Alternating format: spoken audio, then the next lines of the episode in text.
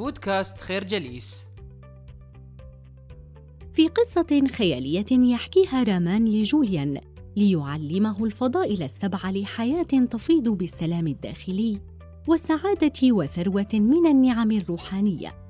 يطلب رامان من جوليان أن يغمض عينيه ثم يقول له: تخيل أنك تجلس وسط حديقة رائعة يمنها بحيرة غناء ويسارها أنهار وأشجار تعج بالجمال الطبيعي من أزهار هي الأروع مرفقة بشعور تملأه السكينة والطمأنينة وفي نظرة تأملية لما حولك ترى منارة حمراء شاهقة يبلغ ارتفاعها ستة طوابق وتكمن في وسط هذه الحديقة بدون سابق إنذار لا صمت ولا هدوء فإذ بصوت صرير عال يفتح الباب السفلي للمنارة.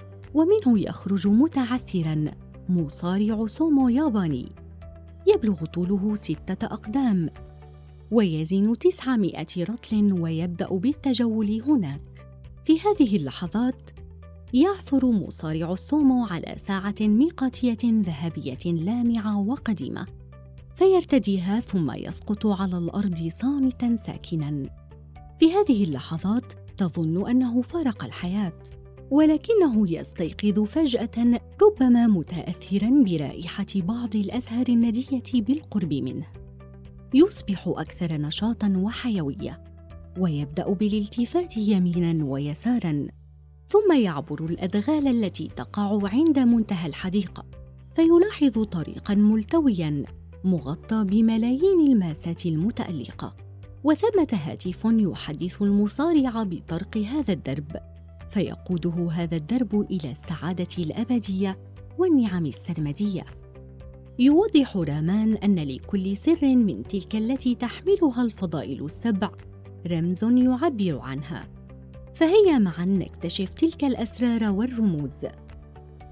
الفكرة إياك أن تضعف من خيال قوة البساطة فأنت تجول في حديقة العقل. هي علاقة ترابطية تجمع ما بين الحديقة والعقل، فكلما اعتنيت بعقلك كما الحديقة الخصبة الغناء، كلما ازداد جمالا وازدهارا. إن السواد الأعظم من البستانيين يحمون حدائقهم كما الجنود البواسل، ويحرصون على ألا تصل إليها أي مواد سامة. ولكن ماذا عن المواد السامة التي نلقي بها في عقولنا دوما؟ كالتفكير السلبي والخوف من المستقبل والاضطراب والقلق. إنهم سلسلة سامة تقوم بتدمير عالم نسكنه ويسكن فينا. إن أردت أن تعيش حياتك مستمتعا بها إلى أقصى درجة فلا بد أن تنصب نفسك حارسا على بوابة هذه الحديقة. من الأساليب التي اقترحها الكاتب ما أسماه بقلب الزهرة. فكل ما تحتاج إليه لتطبيق هذا الأسلوب هو زهرة نضيرة ومكان هادئ. ابدأ بالتركيز في مركز الزهرة، وتخيلها أنها حياتك. وقد يصادفك الشوك، ولكن مع الإيمان والثقة ستتجاوز هذه المعوقات. كن مركزا ولا تلتفت إلا لهذا المركز. ثابر على التركيز على أحلامك وأهدافك، ومارس هذا الطقس يوميا كي يؤتي ثماره. لقد كان حكماء ستيفانا يستيقظون باكرا. حازمين أمتعتهم للسفر خلال سلسلة من السبل الجبلية الضيقة التي تؤدي بهم إلى السفوح السفلية للمنطقة التي يعيشون فيها وبعدها يسلكون ممرا محفوفا بأشجار الصنوبر والزهور العجيبة حتى الوصول إلى أرض مقطوعة الأشجار. وعلى حافة هذه الأرض بحيرة زرقاء ساكنة مغطاة بآلاف من زهور اللوتس البيضاء الصغيرة. عش أزماتك على أنها رحلة شيقة. هناك تأثير إيجابي على العقل، أليس كذلك؟ إنها رحلة شيقة. الآن علمت أن أول سر وهو سيطر على عقلك، يرمز إلى الحديقة الرائعة. الفكرة أطلق العنان لإمكانياتك وقم بتوسعة خيالك وتحكم وسيطر على أفكارك. وانتشل تلك الأفكار السلبية المحيطة بك حتى تستيقظ بداخلك قوة كامنة. إياك أن تنسى أهمية عيش حياة مفعمة بالمرح وإياك أن تغفل النظر عن الجمال الرائع الذي يتجلى في كل المخلوقات. فاليوم وفي هذه اللحظة بالتحديد هي هبة من عند الله. واصل تركيزك على هدفك وسيتولى الكون كل شيء في حياتك نيابة عنك. إن المستنيرين حقا هم من يدركون مرادهم من الحياة عاطفيا وجسديا وذهنيا وروحانيا. إضافة إلى ذلك إن المنارة وسط الحديقة تشير إلى أن هدف الحياة هو حياة هادفة. فالأولويات والأهداف المحددة ستلعب دورا شبيها بدور المنارة حيث ستتكفل بأمر الإرشاد وستكون بمثابة الملجأ عندما تعصف بك أمواج الحياة. إن لم تدري أين وجهتك فكيف لك أن تدري أنك بلغتها؟ سوف تصبح عشوائيا. أليس كذلك؟ بإمكاني أن ألخص لك السعادة في كلمة واحدة هي الإنجاز. فالسعادة تنبع من العمل بصفة منتظمة على تحقيق أهدافك والمضي قدما بثقة باتجاه هدفك في الحياة. لا تنظر لضغوط حياتك على أنها مبرر للفشل بل هي من الممكن أن تحفزك على تحقيق أهداف عظيمة. حيث أن أكثر الناس نجاحا عبروا طرقا مليئة بالضغوط ولكنهم كانوا مستغلين الإمكانات البشرية التي تكمن داخلهم. إنها المنارة الشاهقة التي تشير إلى سر اتبع هدفك في الحياة.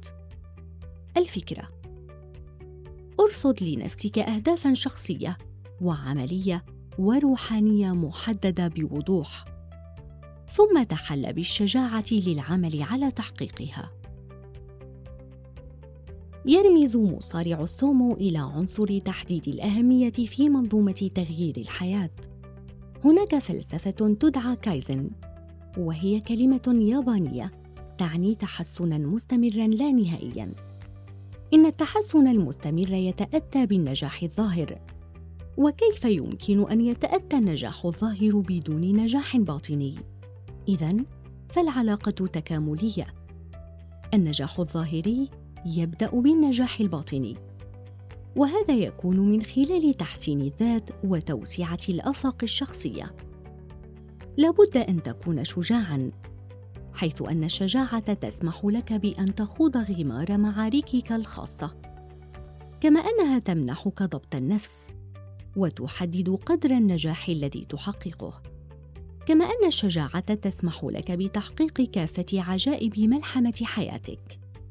لهذا لا تخشى من الإقدام على فعل الأشياء فمن هنا يبدأ النجاح. إن الأشخاص المستنيرين يشعرون بالسعادة العميقة يوميا ويواجهون مخاوفهم وجها لوجه وذلك حتى يتشبعوا بنسبة من الرخاء والسعادة والصحة التي يستحقونها. هناك مجموعة من الطقوس للعيش النابض بالحياة والتي تتوعدك بنتائج استثنائية في المستقبل وهي طقس الاختلاء. أي التأكد من أن جدولك اليومي يشتمل على فترة سلام إجبارية. طقس الجسدية. القدر الذي تعتني به بجسدك يعادل القدر الذي تمنحه لعقلك. طقس التغذية الحية. حيث إن النظام الغذائي الرديء يستنفذ طاقتك الذهنية والجسدية. ويؤثر على مزاجك ويعوق جلاء عقلك وصفاءه لهذا تغذية الجسد من تغذية العقل. طقس المعرفة الوفيرة. يرتكز حول المفهوم الكلي للتعلم مدى الحياة وتوسعة قاعدة معارفك لك ولمن حولك. طقس التأمل الشخصي. كرس بعض الوقت لكي تتعرف على ذاتك من خلال التأمل الداخلي. طقس الاستيقاظ المبكر. الاستيقاظ مع شروق الشمس. اتبع ذلك لمدة 21 يوما حتى تترسخ بحياتك. طقس الموسيقى. فالموسيقى تمنحك دفعة روحانية وتزيد من البهجة والسعادة في حياتك. طقس الكلمة الملفوظة. حيث مجموعة من العبارات المتواترة تعزز التركيز والقوة والسعادة. طقس الشخصية المنسجمة. يجب أن تقوم ببناء شخصية إيجابية تساعدك على تصورك لذاتك ولأفعالك. طقس البساطة. يقول المعلم رامان لا يجب أن يعيش المرء في زحام الأشياء التافهة. لابد أنك علمت أن سر مارس فلسفة الكايزن رمزه مصارع سومو الفكرة إن الله يفضل الشجعان وعندما تقرر أن تسمو بحياتك إلى أعلى الدرجات سترشدك قوة روحك إلى مكان ساحر. يمتلئ بكنوز رائعة. نشكركم على حسن استماعكم. تابعونا على مواقع التواصل الاجتماعي لخير جليس. كما يسرنا الاستماع لآرائكم واقتراحاتكم. ونسعد باشتراككم في البودكاست.